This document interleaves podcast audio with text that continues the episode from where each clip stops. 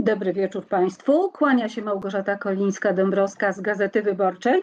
Dzisiaj chciałam rozmawiać z Państwem o długach. Polacy są zadłużeni, to są dane z września e, tego roku na 78, uwaga, miliardów złotych. Z czego prawie 21 miliardów złotych to są długi osób, które są zadłużone więcej niż w trzech źródłach. Nie tylko w banku, nie tylko w firmie pożyczkowej, często jeszcze urodziny, to są tak zwani multidłużnicy. To zjawisko jest w ogóle porażające, bo normalnemu, przepraszam za określenie normalnemu, ale zwykłemu człowiekowi, mnie na przykład, trudno sobie wyobrazić, że można mieć, uwaga, jeszcze raz, 149 wierzycieli. To jest po prostu coś niewyobrażalnego, jak można wygenerować tak gigantyczne długi. I właśnie o tym zjawisku e, chcieliśmy porozmawiać.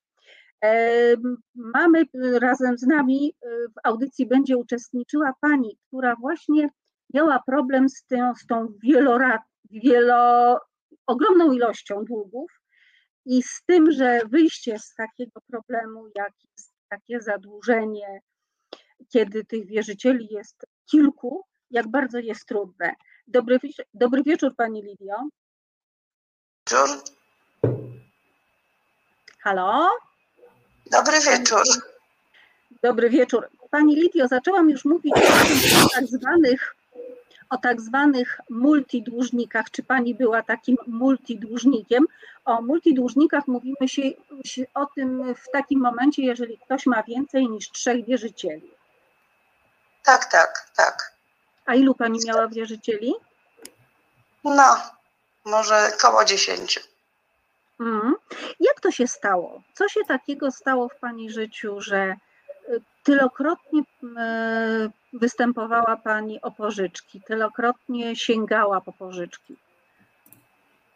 Y, założyłam działalność gospodarczą, sklep. No i Mhm. niestety początek był obiecujący, ale później zaczęło się, zaczął się kryzys. Mhm. Po trzech latach miałam więcej strat jak zysków. no Mhm. i- A co to był za sklep? Pożyczki, słucham? Co to Spożywczo, był za sklep? Mhm. spożywczo przemysłowe. No Mhm. i zaczęłam brać pożyczki, później chwilówki. No i na samym końcu wzięłam kredyt prywa, u prywatnego y, pana. Tak, Czyli po pod, prostu u lichwiarza. tak, tak, Mhm. pod zastaw mieszkania. No to było tak, że no, notariusz akurat nie czytał umowy, po prostu to było tak szybko, no. To chodziło to tylko się- o to, żeby przejąć mieszkanie, no. A Mhm. wzięliśmy wielką Ile kwotę. miała pani pieniędzy do spłaty tym wszystkim wierzycielom? No, około 100 tysięcy. Mhm. Mhm. No A i czy to było w ten sposób, bo to taki mechanizm dość standardowy, czy to było w ten sposób, że żeby spłacić jedną pożyczkę, zaczęła pani Tak, brać tak, tak. następną? Jedną, jedną spłacało się drugą. No i w Mhm. końcu się koło zamknęło i A kiedy przyszedł ten moment, że nie była pani w stanie już spłacać? no w 2012 roku. Mhm. I dlatego wzięłam ten prywatny, a ten prywatny tylko pogorszył sytuację. Jak wyglądała ta prywatna? tylko pogorszył. Słucham? Jak wyglądała, jak wyglądała ta prywatna pożyczka?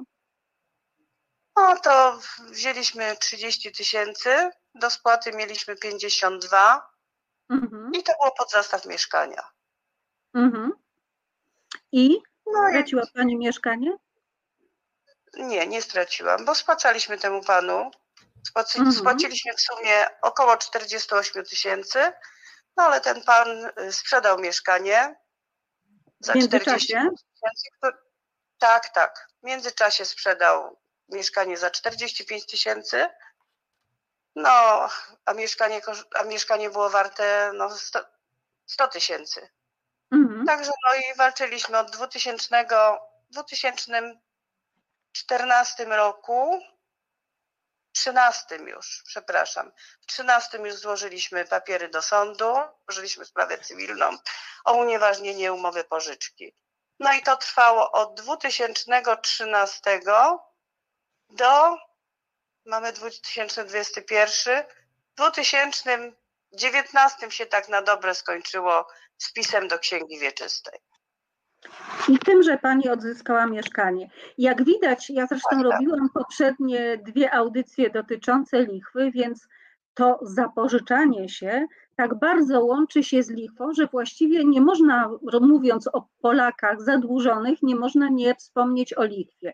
I pani właśnie jest przykładem czegoś takiego, że jedno z drugim się łączy i że w pewnym momencie tej takiej na pewnym poziomie tej desperacji dłużnika ludzie robią już tak bardzo nieostrożne kroki, jak zwracają się do lichwiarza, czyli do kogoś takiego, kto Tak, tak, no, ogłasza tak, tak. się. No wie pani, no, tak jak mówią, jest takie przysłowie, tanący się brzytwy chwyta, ale Mhm. to jest, to tylko pogarsza sytuację. Nie polepsza, tylko pogarsza. No człowiek w pewnym momencie, e, jak się, no tak jakby się wszystko waliło, to człowiek myśli, że kredytami to po prostu e, da radę. A to jeszcze Mhm. jest gorsza sytuacja się stwarza, bo wtedy się robi to koło i człowiek nie może z niego wyjść. Jest Mhm. bezradny. No niestety. Czy, od, czy ta cała sytuacja odpi, odbiła się jakoś na Pani zdrowiu? Bardzo często jest tak, że dłużnicy tacy bardzo zadłużeni mówią o depresji, o poważnych problemach e, psychicznych. Tak, ja, mam pro, ja mam problemy zdrowotne, mąż tak samo ma problemy zdrowotne, także no, no stres się odbił bardzo, Mhm, bardzo na zdrowiu. mhm. Tylko Nigdy nie jeszcze, jeszcze, chciałam, jeszcze chciałam powiedzieć taką sprawę, że wie pani, jak się brało te kredyty, to przykładowo banki wtedy nie sprawdzały tak dokładnie, bo ja później próbowałam w banku wziąć taki kredyt Mhm, żeby po prostu te kredyty spłacić. Bank wtedy nie Mhm. chciał wziąć. I czasami to myślę, że y, była też wina trochę banków, bo przykładowo dzisiaj się szło do jednego banku, dali kredyt na dowód i za trzy dni się szło do drugiego, też dali. Nie sprawdzali wtedy. Wtedy to No taki znaczy był okres, kiedy? że po prostu tak. A wtedy to znaczy kiedy? W jakich to latach było? No Kiedy mówię, tak właśnie. 2012 Mhm, To jeszcze tak było. W 2011 było. Także no Mhm. tak od 2000 może 8 do no już do 14 to w 14 już, już banki zwracały tak, sprawdzali bardziej, ale wcześniej to Mhm. tego nie było i, i czasami to sobie tak sama myślę, wie pani, że no same banki ludzi wpro, wprowadzali w długi. Wprowadzały, Mhm. nie? A w tej chwili to też są, wie pani, dostaje się różne SMS-y, bo nie wiem, może tam mają dane, że tam jest pożyczka w, w, nie w kredyt, tylko w tym profi kredyt. Nieraz dostaję Mhm. takie SMS-y. Więc piszę, dziękuję, bo ja już się przekonałam. mhm. No A jak się zachowywały w tym samym czasie, kiedy pani szukała kredytów firmy pożyczkowe? One też nie sprawdzały niczego? Y, Nie, nie. Tak jak chwilówki, czy tam Provident, czy coś, to to była, no to jest następna lichwa Provident. No niestety. Mhm. To też nie Dlaczego? sprawdzali. Też nie sprawdzali? No Provident, to mówię, że to była taka sytuacja, że wie pani, y, nie spłaciło się, Mhm. y, refinansowanie było i się brało następny. I tak, i sami, sami po prostu proponowali, nawet jak ktoś nie spłacał regularnie. Aha, Także tak, bo to był ten okres, kiedy przepisy pozwalały na te Tak. takie rolowanie Tak, przep- tak, tak. tych y, pożyczek, albo pozwalały na to, że brało się pożyczki u jednego pożyczkodawcy, po czym powiązana Tak. z nim firma była następną firmą, która dawała kredyt na spłacenie poprzedniego kredytu i to się właśnie w ten sposób to kółeczko kręciło i to z każdym tak, miesiącem szybciej. Mhm. Y, Pani Lidio, co by Pani, czy jest jakaś rada, oprócz takiej prostej, nie brać kredytów, kiedy się nie ma jak ich spłacić, co Pani by poradziła tym, którzy biorą kredyty i zaczynają je brać tak e, jeden za drugim? no to ja bym im odradziła. Mhm. że to nie jest wyjście z sytuacji, bo to jest y, po prostu pakowanie się w gorsze problemy. Mhm. Bo, bo później się zrobi koło i to także odradzałabym tym ludziom, to bierze pożyczki, odradzam tego, nie wiem, może skromniej żyć, nie wiem, bo ja wiem, że Dzisiaj są mi zarobki małe, i, ale no odradzałabym po prostu. Odradzałabym. Na swoim przykładzie bym odradzała. Tym bardziej, że taką przestrogą przeciwko właśnie takiemu braniu e, pożyczek jest to, że można w ostatnim takim bardziej, najbardziej hardkorowym momencie trafić w ręce lichwiarza i wtedy rzeczywiście zaczynają się już Tak. mega problemy. Wtedy się zaczyna się, tak, no ja no akurat po prostu walczyłam i no udało się. Udało Mhm. się. No, bo ja w Kielcach to nie wygrałam sprawy dopiero w sądzie apelacyjnym w Krakowie. Aha, czyli ta no, sprawa się... walczyłam do końca. Nie, nie, nie na, y, dopiero w sądzie apelacyjnym w Krakowie. Bo ja po Mhm. prostu już y, w Kielcach było, nie unieważnili umowy, tylko Mhm. na naszą rzecz y, ten pan miał zapłacić 50 tysięcy, ale postanowiłam, że no jeszcze zrobimy, złożymy apelację, bo po prostu no nic nie Mhm. traciłam, a mogłam coś zyskać. No i akurat udało się, no. I to coś zyskać oznacza odzyskać mieszkanie. Tak, tak, tak. Czy sąd uznał, że to, co pani się przydarzyło, to właśnie była lichwa? Tak, tak, tak. I po prostu sąd y, dał wiarygodność naszym zeznaniom, a nie tego pana. Bo ten Mhm. pan po prostu no, no kręcił, no kręcił. Zeznawał raz tak, raz tak, także w Mhm. ogóle nie było na sprawie tego pana, także już później to. Mhm. Także odradzam, odradzam ludziom, niech się zastanowią, naprawdę niech przemyślą dobrze sytuację, bo y, branie kredytów jednego i później spłacanie jedno, jednego drugim, to nie zda egzaminu i to można się po prostu wpakować w ogromne problemy i, i przede wszystkim można później się, no, człowiek się stresuje i wpada w choroby różne i, i psychika, także ja to przeszłam, to wiem. Mhm. Pani Lidio, pięk, mhm, pięknie dziękuję za rozmowę. Wiem, że mm, miała Pani troszeczkę takich obiekcji, czy tę, na tą rozmowę ze mną się zgodzić, bo to jednak takie powracanie do bardzo stresującej sytuacji Właśnie, tak, tak, to, to wie i rozdrapywanie ran. I dlatego bardzo Tak. pięknie dziękuję, że Pani zechciała z nami rozmawiać. A teraz może przejdźmy do kolejnych gości y, dzisiejszej audycji, ale nim przejdziemy do nich, to poproszę może naszego realizatora, żeby przez minutkę pograł nam jakąś dobrą muzykę. Znudzeni mainstreamowymi newsami? Czas na reset obywatelski. Zaangażowane dziennikarstwo. Są już z nami nasi goście. To dwie osoby, dwóch ekspertów. E, Jeden to pani Halina Kochalska Infomonitora, to jest Biuro Informacji Gospodarczej, czyli takie miejsce, gdzie liczy się nasze długi i nasze zadłużenie. A drugą osobą jest pan e, Roman e, Pomianowski, który jest e, psychologiem i zajmuje się właśnie osobami zadłużonymi i problemami tych osób pomaga im również.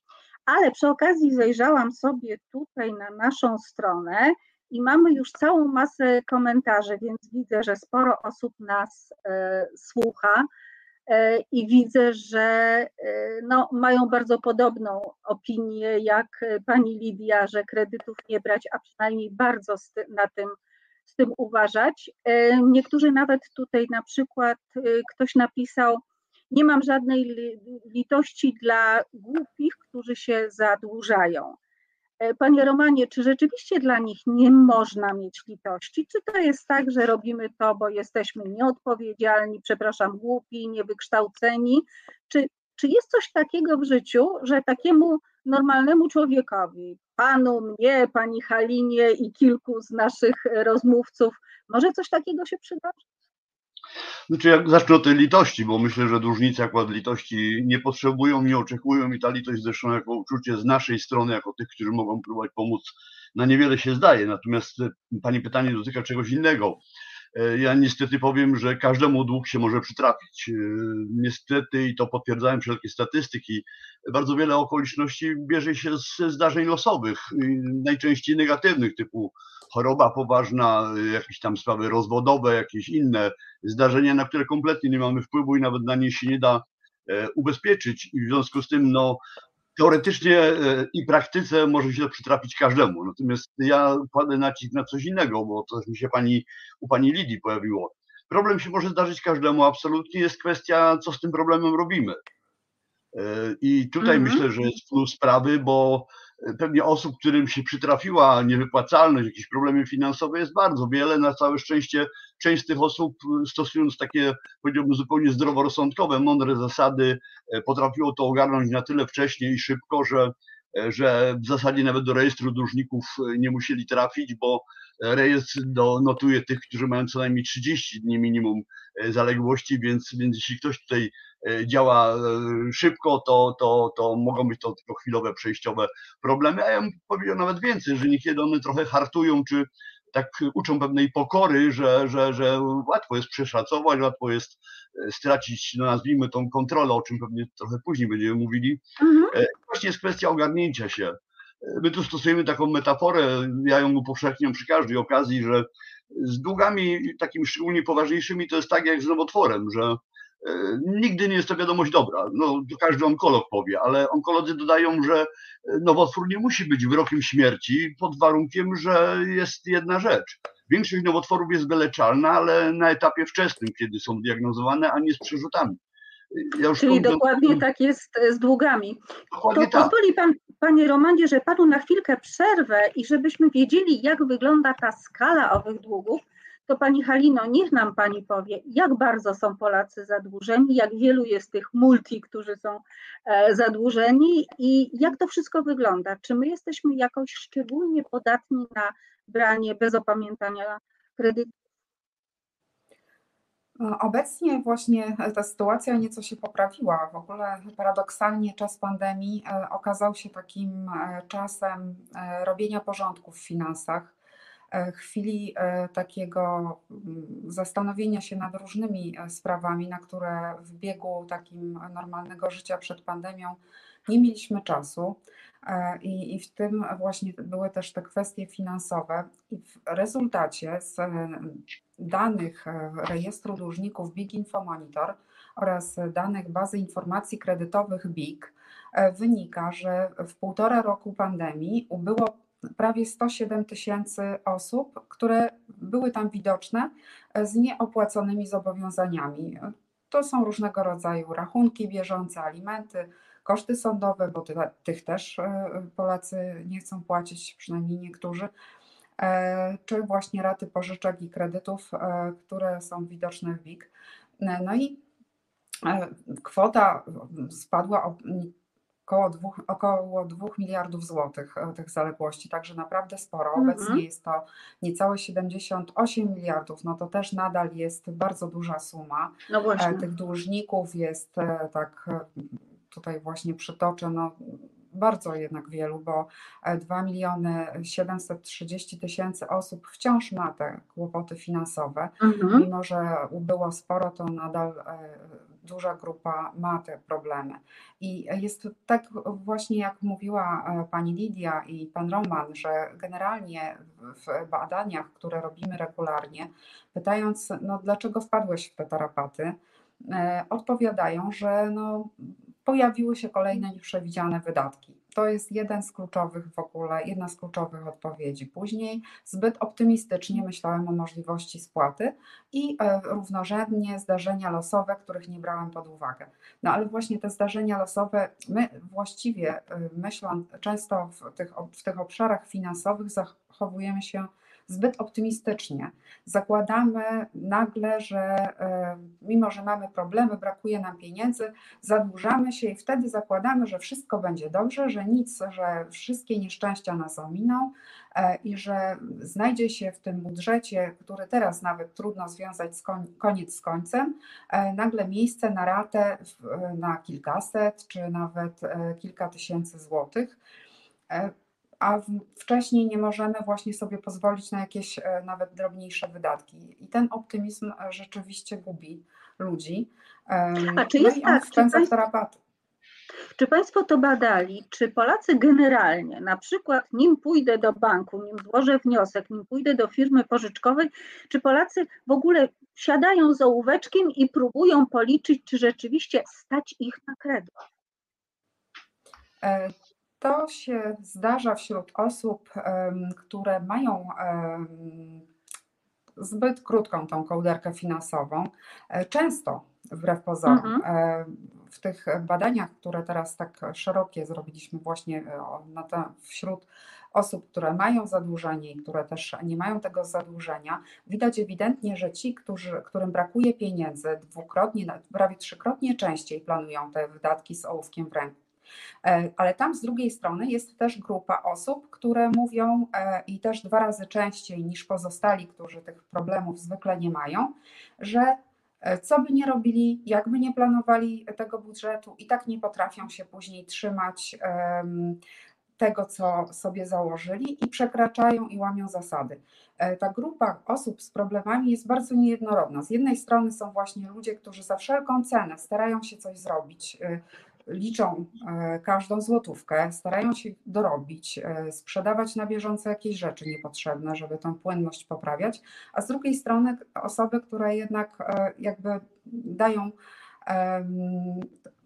dają na luz i żyją bardziej swobodnie, twierdzą, że nie dają rady nad tym zapanować. No i generalnie e, to się wymyka im spod kontroli, ale łączy tych ludzi jedno, że e, po prostu im cały czas brakuje pieniędzy. No to jest grupa, e, tak jak badamy teraz i ona zmalała w tym okresie mhm. pandemii, około 33% osób, które mówią, że co najmniej raz w miesiącu, nawet kilka razy w miesiącu pojawiają się kłopoty, skąd wziąć pieniądze na jakieś rachunki, no ewentualnie kilka razy do roku. E, więc no oczywiście tu skala jest różna tych problemów, ale mówimy o tej grupie ludzi. No i oni właśnie, tak jak mówiłam, no i są różni w tych zachowaniach. E, łączy ich to, że jednak brakuje tych pieniędzy. E, bardzo często też skarżą się, że zarabiają za mało. No i co ważne, też padło tutaj też to stwierdzenie ważne, 15% w ogóle społeczeństwa, i to jest połowa tej grupy, o której mówię, żyje w permanentnym stresie i napięciu psychicznym. E, oni Właśnie związanym z tym, że, że okupują to e, utratą e, zdrowia, stanami mhm. lękowymi, jakimiś problemami zdrowotnymi. No, ciężko, ciężko Czy można... żyje, naprawdę. Nie tylko dlatego, że właśnie nie mają tych pieniędzy, ale to pociąga za sobą wiele różnych Pani Lidio, y, przepraszam, Pani Halino, a z Państwa badań, można by stworzyć taki krótki portret, portret Polaka zadłużonego, właśnie tak bardzo, bardzo zadłużonego. Kto to jest? Człowiek młody, starszy, mężczyzna, kobieta? Takim charakterystycznym dłużnikiem, który widoczny jest w tych obu bazach, o których mówiłam, e, jest mężczyzna między 35 a 44 rokiem życia, głównie mieszkaniec mhm. Śląska, e, ewentualnie Mazowsza. E, no i on ma dużo ponadprzeciętne te zaległości, dużo więcej niż przeciętnie e, do oddania. E, to, to znaczy ile jest przeciętnie? Koło, przeciętnie to jest 28,5 tysiąca złotych. Mhm. Ale A on ma wielokrotność tego 28. Tak, oni mają mhm. prawie dwukrotnie średnio więcej, mhm. ale no oczywiście tam w tej, w tej bazie jest też mnóstwo rekordzistów którzy mają milionowe zaległości. Największy dłużnik, e, mężczyzna z Pomorza, ma e, prawie 78 milionów złotych, e, kolejny ma 72. No to są ogromne kwoty. Mhm. No ale tutaj to już jest zdecydowanie, no dawno to, to, to się wymknęło spod kontroli, ale jest masa ludzi, którzy mają długi nieprzekraczające 5 tysięcy i to jest prawie połowa tych, tej puli dłużników, o której mówiłam, a tego niemal trzech, tych niemal I ci ludzie, ludzi. którzy mają y, dług pięciotysięczny, też są w takiej sytuacji, że nie radzą sobie ze spłaceniem takiego zobowiązania? Tak, i są właśnie w tych bazach, i wystarczyłoby w niektórych przypadkach to jest 1000 zł, to jest 2000 w sumie e, wszystkiego i gdyby tym ludziom dać do 5000 złotych, e, z dnia na dzień z naszej bazy, z naszych baz zniknęłoby połowę tych niesolidnych dłużników. Także To strasznie nie chodzi dużo. tu o duże sumy często. Mhm, mhm. Ja znowu zerkam jednym okiem w to, co piszą nasi e, słuchacze. E, I ktoś napisał: Ludzie chcą żyć ponad stan, mieć od razu dom, samochód, nowe modne ciuchy i wszystko. Panie Romanie, czy rzeczywiście to jest ten mechanizm, który powoduje, że zaczynamy się zadłużać? No, ja myślę, że to jest nadmierna generalizacja. Oczywiście, że takie przypadki znajdą się i, i, i potwierdzają tylko pewnie regułę, że Mhm. zdecydowana większość e, jednak trafia w tą sytuację z powodu innych okoliczności, a czy na pewno jakby pewne skłonności i, i, i takie nastawienie, no aż się boję użyć słowa, takie hedonistyczne, takie, takie konsumenckie czy e, konsumpcyjne, no jakoś tam obowiązuje i, i jesteśmy jakby do tego bardzo intensywnie i profesjonalnie zachęcani, ale nie widziałbym w tym jakby głównego uzasadnienia czy powodu. Natomiast jest to na pewno takie potoczne przekonanie, które właściwie nie wymaga dyskusji i nie podlega w ogóle dyskusji, załatwia wszystko, klasyczny stereotyp. Mhm. To w takim razie, jaki jest ten mechanizm, że pakujemy się aż w takie kłopoty, że najpierw bierzemy jeden kredyt, no mogę zrozumieć, że bierzemy drugi, bo jeszcze chcemy coś tam, a potem nagle jesteśmy w sytuacji pod ścianą i zaczynamy brać kredyt za kredytem, żeby spłacić poprzedni kredyt i znowu bierzemy kredyt, żeby spłacić te dwa poprzednie kredyty, no i wiadomo, co się dzieje. Znaczy ja bym powiedział tak, nawiązując trochę do przypadku pani Lidii, bo ona jest dość charakterystycznym, takim Mhm. typowym przykładem. Na początku była jakaś nadzieja, był plan, był pomysł, było fajnie, pięknie i wszystko się zapowiadało obiecująco, zainwestowała. No przecież wszyscy byliśmy zachęcani do brania spraw w swoje ręce. Podjęła pewne ryzyko i nawet na początku się to jakoś tam kalkulowało, opłacało. Potem przychodzą kłopoty i tu się zaczyna sedno sprawy, bo będziemy pewnie jeszcze o tym rozmawiali. Pojawia się pytanie, dlaczego z taką determinacją, pod taką presją ludzie sięgają po kompletnie niezabezpieczone pożyczki, biorą je w bardzo niepewnych miejscach. No przecież to nie tak, że oni stracili rozum, czy, czy, czy, czy robili to w stanie nietrzeźwości. Natomiast myślę, że e, kiedy się zaczynają te kłopoty i zaczyna się pojawiać właśnie ten niepokój, ten stres, bardzo często niestety też wstyd przed otoczeniem, bo e, to jest wstyd przed ujawnieniem swojej sytuacji w gronie osób najbliższych, nawet w małżeństwach. Słuchajcie Państwo, nie, ludzie nie rozmawiają o sobie, y, ze sobą o, o takich tematach, bo one w pewien sposób stały się tematami tabu. I ten wstyd plus niepokój, lęk, jeszcze pewnie kilka takich bardzo e, trudnych uczuć, zaczynają żyć własnym życiem.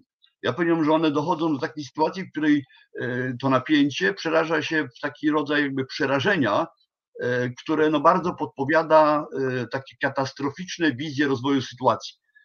W rozmowach nawet z naszymi klientami często słyszę, że oni mówią takimi sformułowaniami typu koniec świata, tragedia. No, używają takich już określeń, które, które rzeczywiście pokazują, że ich wyobrażenie, co się stanie, jeśli oni nie zapłacą na czas, i tu oczywiście się od razu pojawia lawina takich obaw typu sąd, komornik, nie wiem, bezdomność. Więzienie niemalże. Nie, więzienie, w ogóle to, to mnie mogą zabić z tego powodu i to katastrofizowanie jakby nakręca tak bardzo tą wewnętrzną presję, że człowiek nie rozważa w ogóle innych opcji, tylko wybiera tą, która jakby najczęściej, naj, najprościej, najszybciej przychodzi mu do głowy. A tutaj pewnie długo bym musiał tłumaczyć, pani Halina zna tutaj mnie z tej strony, że przy każdej okazji wciskam wyuczoną bezradność, ale tak to jest, że kiedy ludzie szukają rozwiązania, które jest dla nich obiektywnie nierozwiązywalne, a na przykład sytuacja Mhm. finansowa może tak stanowić, bo jeśli my mamy w Polsce, już nie mówię o aktualnym ostatnim raporcie ubóstwa, ale mamy w Polsce od wielu, wielu lat prawie 2 miliony rodzin, które żyją w takiej strategii na styk. To się ładnie nazywa wiązaniem końca z końcem. To nie są ludzie ani zadłużeni, ani żyjący w ubóstwie, ale oni się bilansują dokładnie do grosza, a wiemy, że niestety w życiu tak bywa, że złośliwość losu powoduje, że kiedy akurat brakuje na spięcie końca z końcem, to psuje się ta pralka, nie wiem, wyskakuje choroba, y, coś tam innego i ludzie jakby próbują rozwiązać problem, który przerasta ich możliwości. Próbują tak długo, aż dochodzą do takiej sytuacji, którą w psychologii nazywa się wyuczoną bezradnością, a e, pościej mówiąc, e, takie mielenie tej myśli, przeżuwanie tych myśli skutkuje tym, że w końcu pojawia się rodzaj pustki w głowie, przerażenia, temu towarzyszy depresja i wtedy w zasadzie automatycznie podejmuje się takie działanie, które najszybciej daje prosty, szybki, naturalny efekt. A takie są na Ale każdym... dlaczego, dlaczego ci ludzie na przykład nie szukają ratunku, tylko sami z uporem, e, nie przymierzając barana, tłuką głową w ścianę, próbują sami brać te kredyty, próbują sami spłacić, próbują sami załatwić tą sprawę. Tego nie Dwa rozumiem. powody. Dwa powody. No. Po pierwsze, to już o jednym wspomniałem, ta obawa, ten Mhm. wstyd przed identyfikowaniem, ale z drugiej strony realia. No gdzie oni tej pomocy mają szukać? U kogo? Mhm. Zna pani No, takie może u miejsce? czasami urodziny. Tak, no ale u rodziny No. to najczęściej zwrócenie się o pomoc, nawet w podtekście wiąże się z tym, że ktoś przychodząc, mówiąc o swoich kłopotach, oczekuje, że oni wyjmą gotówkę i mu, mu, mu wyłożą kasę. To jest jeden z punktów, od których ja zaczynam zajęcia z dłużnikami, a mam ich ostatnio bardzo dużo. Mam taką cegiełkę z Narodowego Banku Polskiego, zmielone 100 tysięcy złotych i mówię, zobaczcie, bardzo często dłużnikom wydaje się, że rozwiązaniem ich problemu jest zdobycie kolejnej porcji pieniędzy. Czy z pożyczki, czy od rodziny, czy nie wiem, na różne inne sposoby i bardzo często oni dostają taką obietnicę, czy deklarację w każdym razie, tylko że ta deklaracja przypomina ten, ten, ten gadżet z NBP-ów, czyli bezużyteczne, zmielone pieniądze, którymi nawet w piecu się nie napadnie. Bo rozwiązaniem w istocie rzeczy nie jest kolejna porcja pieniędzy, jak wiemy, co potwierdziła między innymi pani Lidia i setki osób, z którymi miałam do czynienia. A więc problem nie w tym niestety. A rzeczywiście brak ofert, które by zapewniały czy oferowały kompleksową pomoc dłużnikom. Bo jeśli już być sprawiedliwym, no to oczywiście mnóstwo znajdziemy ogłoszeń nawet w gazecie, pomoc w oddłużaniu, e, różne, różne inne pod tym szyldem e, działania. Ja nawet z kilku e, dla sądowania tematu skorzystałem z tych kilku numerów telefonów i za każdym razem, absolutnie za każdym razem w trzecim zdaniu był rozmowy stało się, to mamy dla pana ofertę, bo możemy pana skonsolidować, mamy pożyczkę, tylko musi pan coś tam zostawić i tak dalej. No ale nie na tym Mm. polega pomoc dłużnikowi, że go topimy jeszcze bardziej. Mhm. Y, Pani Halino, jeszcze mam pytanie. Czy Państwo robili jakieś badania mm, dotyczące tego, w jaki sposób ludzie się, albo jaki procent ludzi ratuje się, jaki procent y, właśnie mm, zostaje w takim stuporze i naprawdę już nie wie, co ma zrobić? No, z tego, co widać teraz e, z, tych najnowszych badań, e, to Mhm. jest 15% osób żyjących w takim stresie, napięciu, właśnie z przekonaniem, że ma e, kłopoty Że już finansowe, nic się nie da. którymi em, nie umie sobie radzić za bardzo. Na pewno tam Mhm. jest e, no, 15% społeczeństwa e, tej dorosłej populacji, to jest ponad e, 4,5 miliona osób, tak? Mhm. Niespełna 5 to, to w ogóle no, ogromna liczba i na pewno no, nie wszyscy tam są w, aż w tak tragicznym położeniu, jak pani mówi, no ale z pewnością duża część. No, bierze się to właśnie z tego, znaczy to jest, to, to jest ta grupa ludzi, którym ciągle brakuje pieniędzy, tak? No, oni Czyli wracamy mówią, właśnie że do no, mają za sytuacji mało, takiej- że pojawiają się te Mhm. problemy z, Mhm. co, co chwilę trzeba myśleć, skąd wziąć na opłacenie kolejnego rachunku, czy, czy jakichś e, Mhm. wydatków niespodziewanych, Mhm. naprawy, czy zakupu nowego sprzętu, pralki czy lodówki. No i to, to Jeszcze- właśnie, co wspomniał Pan Roman, e, ciekawe, bo to też w tych badaniach ostatnio sprawdzaliśmy, e, te osoby mocno zestresowane i przekonane, że no jest źle z tymi pieniędzmi, e, nie, 55% z nich nie mówi nikomu. Nie, nie, Żyje nie z tym, Par, tak, żyje z tym, stara się uporać e, jakoś samemu. Część e, wprost mówi, e, co dwudziesty, że nie robi nic, liczy, że problem się sam roz, rozwiąże. na cud. Jedna czwarta informuje osobę, z którą mieszka, czy to partner, żona, mąż, e, z nim dzieli się, co czwarty raptem, dalszą rodzinę, co ósmy, a przyjaciół, znajomych to już w ogóle nieliczni, to się zupełnie do tego nie przyznajemy. No i w, w ostatniej kolejności e, idą do specjalistów czy po jakąś poradę. To odpowiedziało 2%, czyli 2 na 100 e, badanych, na 100 badanych stwierdziło, że gdzieś idą po jakąś profesjonalną pomoc. Mhm. Także no, tak, tak wygląda to od strony takiej aktywności właśnie i, Mhm. i też ujawniania problemu. Panie Wygląda Romanie, źle. ja jeszcze mam, mhm, jeszcze mam jedno pytanie. i Ono się wiąże z tym, co e, pisał Pan między innymi dla takiego kwartalnika e, e, specjalistycznego, o tym, że część z tych osób, które popadają w taką właśnie taką pętlę kredytową, to są osoby z bardzo poważnymi zaburzeniami zdrowotnymi, psychicznymi. Czy rzeczywiście tak jest, że te osoby mają takie problemy, czy to jest po prostu wymówka dla tego, co się wydarzyło? Tutaj są dwa tematy właściwie, które trzeba by Mhm. równolegle, a że mamy czasu bardzo niewiele. Po pierwsze, jeżeli zaczynamy od tych osób, które już cierpią na różnego typu zaburzenia, to tutaj no, wszelkie badania zasięgu czy skali problemów psychicznych Polaków, również badania Ministerstwa Zdrowia pokazują, że mamy ogromną rzeszę ludzi, którzy cierpią na różnego typu zaburzenia psychiczne, jedno, dwa, i trzy i cztery. I jeżeli do tego jeszcze dołożyć osoby upośledzone umysłowo, a do tego jeszcze dołożyć znacznie większą grupę osób uzależnionych od różnych substancji przede wszystkim, ale także i od hazardu, to rzeczywiście można powiedzieć, że mamy sporą grupę, ja ją szacuję tak mniej więcej, chociaż to tylko szacunki, na 800 tysięcy osób, takich osób wysokiego ryzyka, które z powodu właśnie swoich dolegliwości i chorób, no również są aktywne finansowo, zaciągając zobowiązania i jakby trochę choroba może e, powodować, że oni mają z tym poważny problem. Ja to w tej chwili szczególnie mocno podkreślam, że to, że oni się znaleźli w tarapatach finansowych, ale także i psychicznych, to jakby jeden problem, natomiast no, nasz system zupełnie nie przewiduje wsparcia dla tych osób po tym, kiedy oni kończą terapię, kończą leczenie. Mhm. Wchodzą ze szpitala psychiatrycznego po miesiącu, dwóch, trzech, a niekiedy kilku latach e, i właściwie przez ten czas nic się z nimi nie działo. Ja nawet twierdzę, że ten pobyt w tej placówce, gdzie mieli zaopie- za, za, zagwarantowany bikt, opierunek, utrzymywał ich w takim stanie pewnej Komfortu hibernacji ekonomicznej, no bo jeść było, światło się paliło, lekarstwa dostawali i oni bardzo często wychodząc na tą wolność, to dotyczy także osób, które odbywają karę pozbawienia wolności. Nagle wychodzą na wolność z nadzieją, że wracają do normalnego życia, a za bramą czeka niespodzianka, czeka, Komornik. to nazwałem zadłużeniowym tsunami, bo oni najczęściej Mhm. nie mają przyjaciół, znajomych, wsparcia, tylko czekają wierzyciele, nie? No i Mhm. najczęściej przedstawiciele.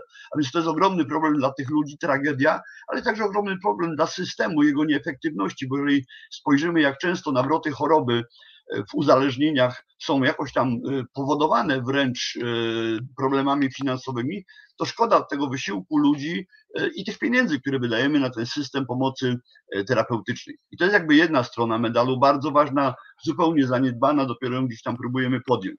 Natomiast podejrzewam, że pani pyta także o drugą sytuację. O kiedy ten to- samosiek, tych, którzy z uporem próbują sami sobie poradzić i Właśnie, mnożą ten kłopoty. wkręcania się, ten obłęd wkręcania się w spirale zadłużenia, Mhm. bo przecież już właściwie pojawiło się. To mówiliśmy już troszeczkę i też pani e, Lidia o tym wspominała, że ten niepokój, ten lęk, to ciągłe rozmyślanie zaczyna w ogóle przypominać taki e, mechanizm zaburzenia obsesyjno-kompulsyjnego. My oczywiście z e, filmów najczęściej znamy przypadki takich dziwaków, którzy są nawet może i niekiedy śmieszni, e, zabawni, ale to jest obłęd, kiedy człowiek 24 godziny na dobę, nawet we śnie praktycznie, myśli, martwi się, zastanawia się, bo to nie są myśli sympatyczne, miłe, e, dotyczące wizji tego, jak sobie poradzimy, tylko to jest coraz większy koszmar takiego obłędu, zadręczania się. W psychologii mówimy o takim przeżuwaniu myśli, które no, kończy się z tym, że zostajemy z potwornym wysiłkiem, presją i z taką jałową substancją, która nam została w ustach, kiedy już wyży, wyżuliśmy wszystkie e, wartościowe i odżywcze składniki. I ten obłęd powoduje rzeczywiście taki lęk i takie napięcie, że ci ludzie nie są w stanie normalnie pracować, funkcjonować, e, prowadzić normalnego życia. E, No, bo proszę sobie wyobrazić, czy gdyby pani, mój ulubiony przykład, e, leciała samolotem gdzieś tam i e, trochę dłużej by ten start się odbywał i zaczynałaby pani rozważać, czy ten pilot ma prawo jazdy, no ma raczej. Trzeźwy jest, raczej jest. Ale gdyby pani przyszło do głowy tak jak mi, na przykład skażonego tą tematyką, czy on się zastanawia, czy z tych Katowic, jak wróci, jak wróci do tych Katowic po powrocie, czy będzie ten dom jeszcze miał, czy już go komornik zajmie, to miałoby to wpływ na pani bezpieczeństwo lotu? Nie da się o dwóch rzeczach jednocześnie myśleć, a te myśli koszmarne, tragiczne powodują takie napięcie, taki stres, że ludzie wtedy rzeczywiście dla jednego tylko i wyłącznie efektu. Ja to tak trochę może obrazowo, może trywializuję. Moim klientom mówię, posłuchaj, co się z tobą zadziało, kiedy dostałeś tą kolejną pożyczkę. Nawet jeszcze nie dostałeś, tylko ci dali SMS-a, że już jest w drodze. Wtedy oni mówią, no słyszałem, jak mi kamień serca spadał. Słyszeli ten głęboki oddech ulgi. Ja mówię, to słuchaj dalej, bo spójrz, jak ci to spadało prosto na czubki palców. Ale proszę Państwa, ulga jest tutaj kluczem. Ulga jest uczuciem absolutnie bezcennym. E, Kiedy jesteśmy właściwie u kresu, kiedy już nie ma żadnej perspektywy, kiedy ten obłęd osiąga już taki poziom, że to można porównać tylko do głodu fizycznego, to człowiek wtedy je co popadnie, pije co popadnie i robi co popadnie. Jakby to dążenie do ulgi za wszelką cenę to jest jedno ze znamion zachowań kompulsywnych, bo oni nie biorą tych kolejnych pożyczek po to, żeby rozwiązać problem. Przecież oni wiedzą, że tą kolejną chwilówką co najwyżej e, ogarną tych najbardziej nerwowych No. wierzycieli. E, Ja opowiadałem pani przypadek mądrej kobiety, wykształconej, piastującej bardzo odpowiedzialne stanowisko, zarządzającej na co dzień kilkudziesięciomilionowym budżetem e, w jednym z samorządów, która z drobnego, z drobnej pożyczki dwudziestu paru tysięcy w ciągu 13 lat wygenerowała 970 tysięcy długu.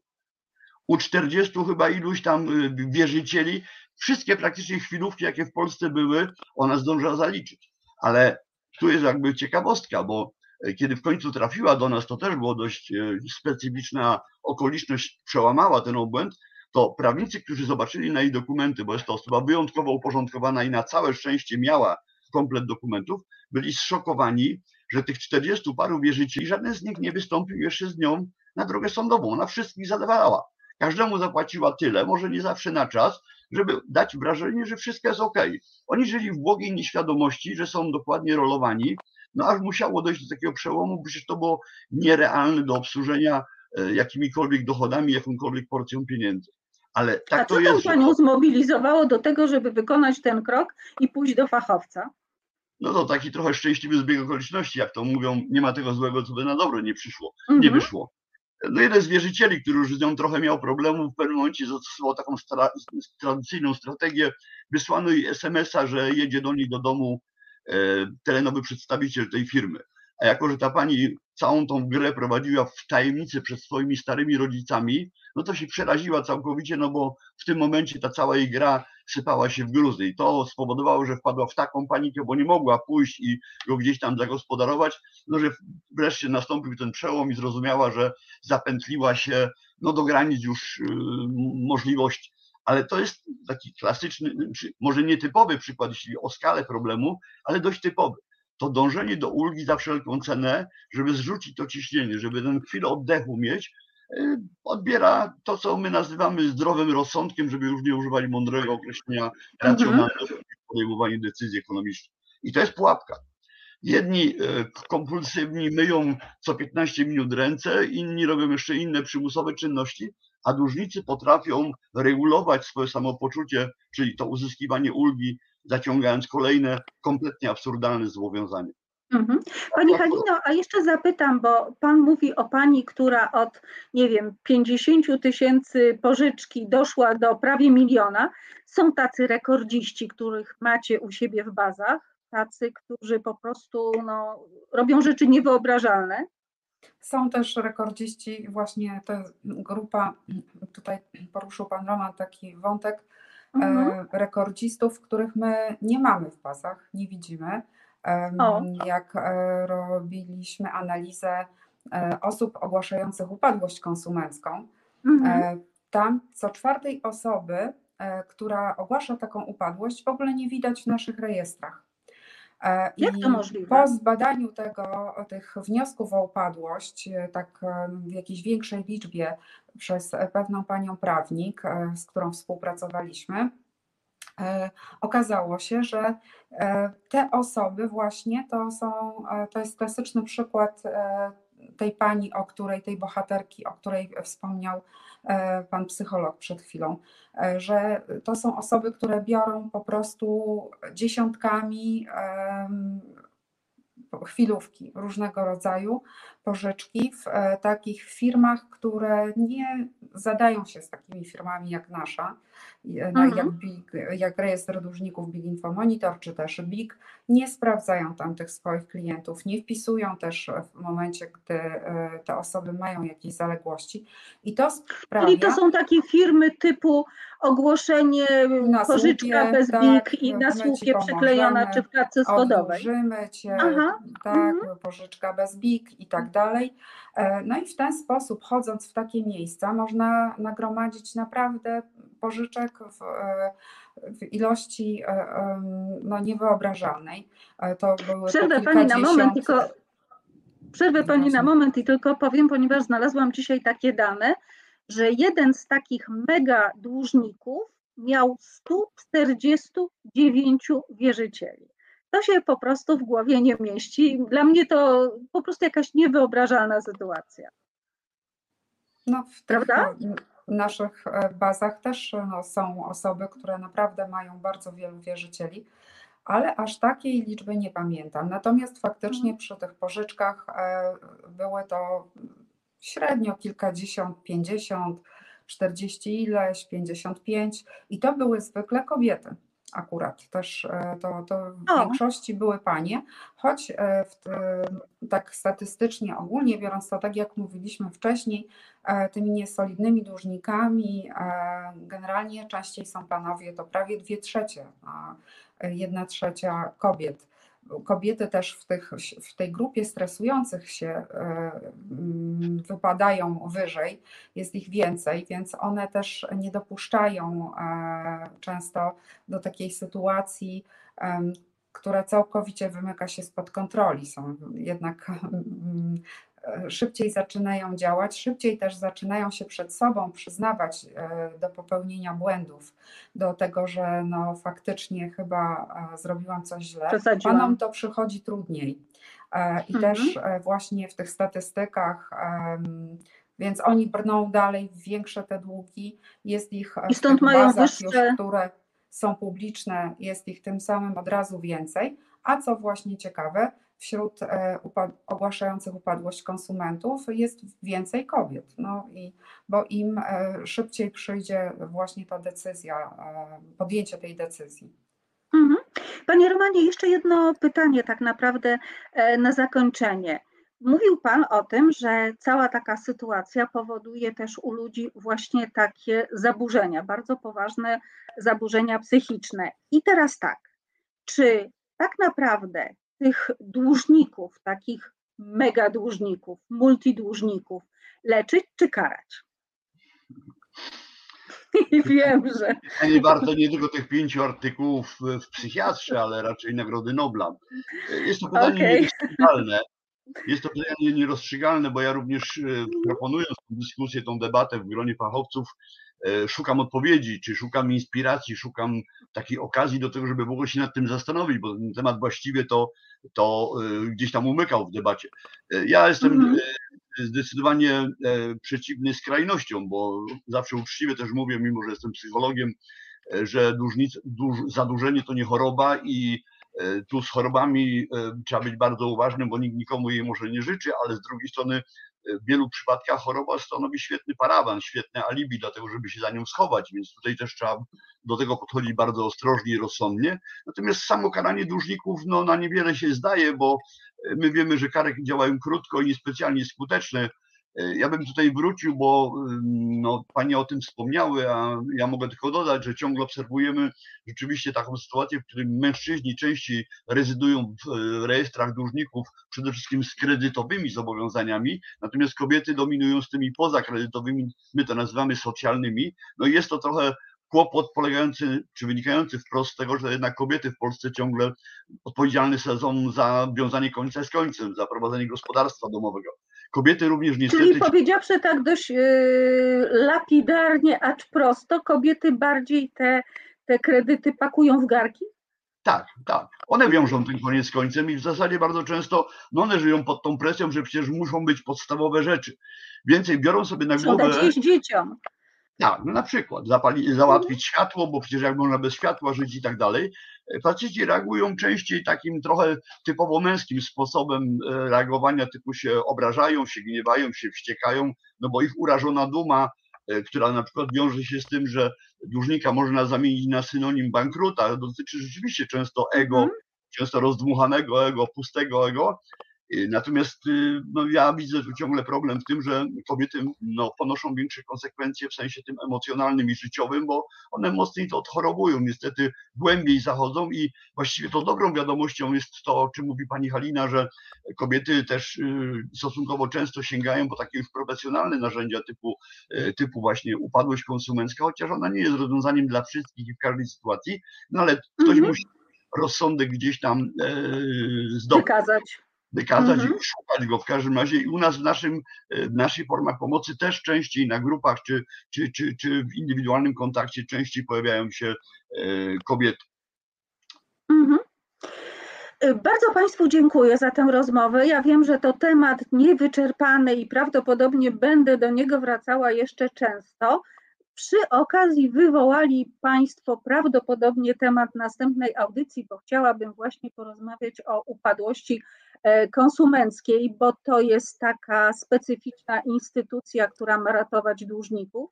Pięknie dziękuję. Byli z nami zadłużona pani Lidia, pani Halina Kochalska, infomonitor Biuro Informacji Gospodarczej oraz psycholog zajmujący się osobami zadłużonymi, pan Roman e, Pomianowski. Bardzo pięknie dziękuję i do usłyszenia. No, czyli spotkamy się w przyszłym tygodniu i porozmawiamy o upadłości konsumenckiej. Dziękuję, dobranoc. Dobranoc.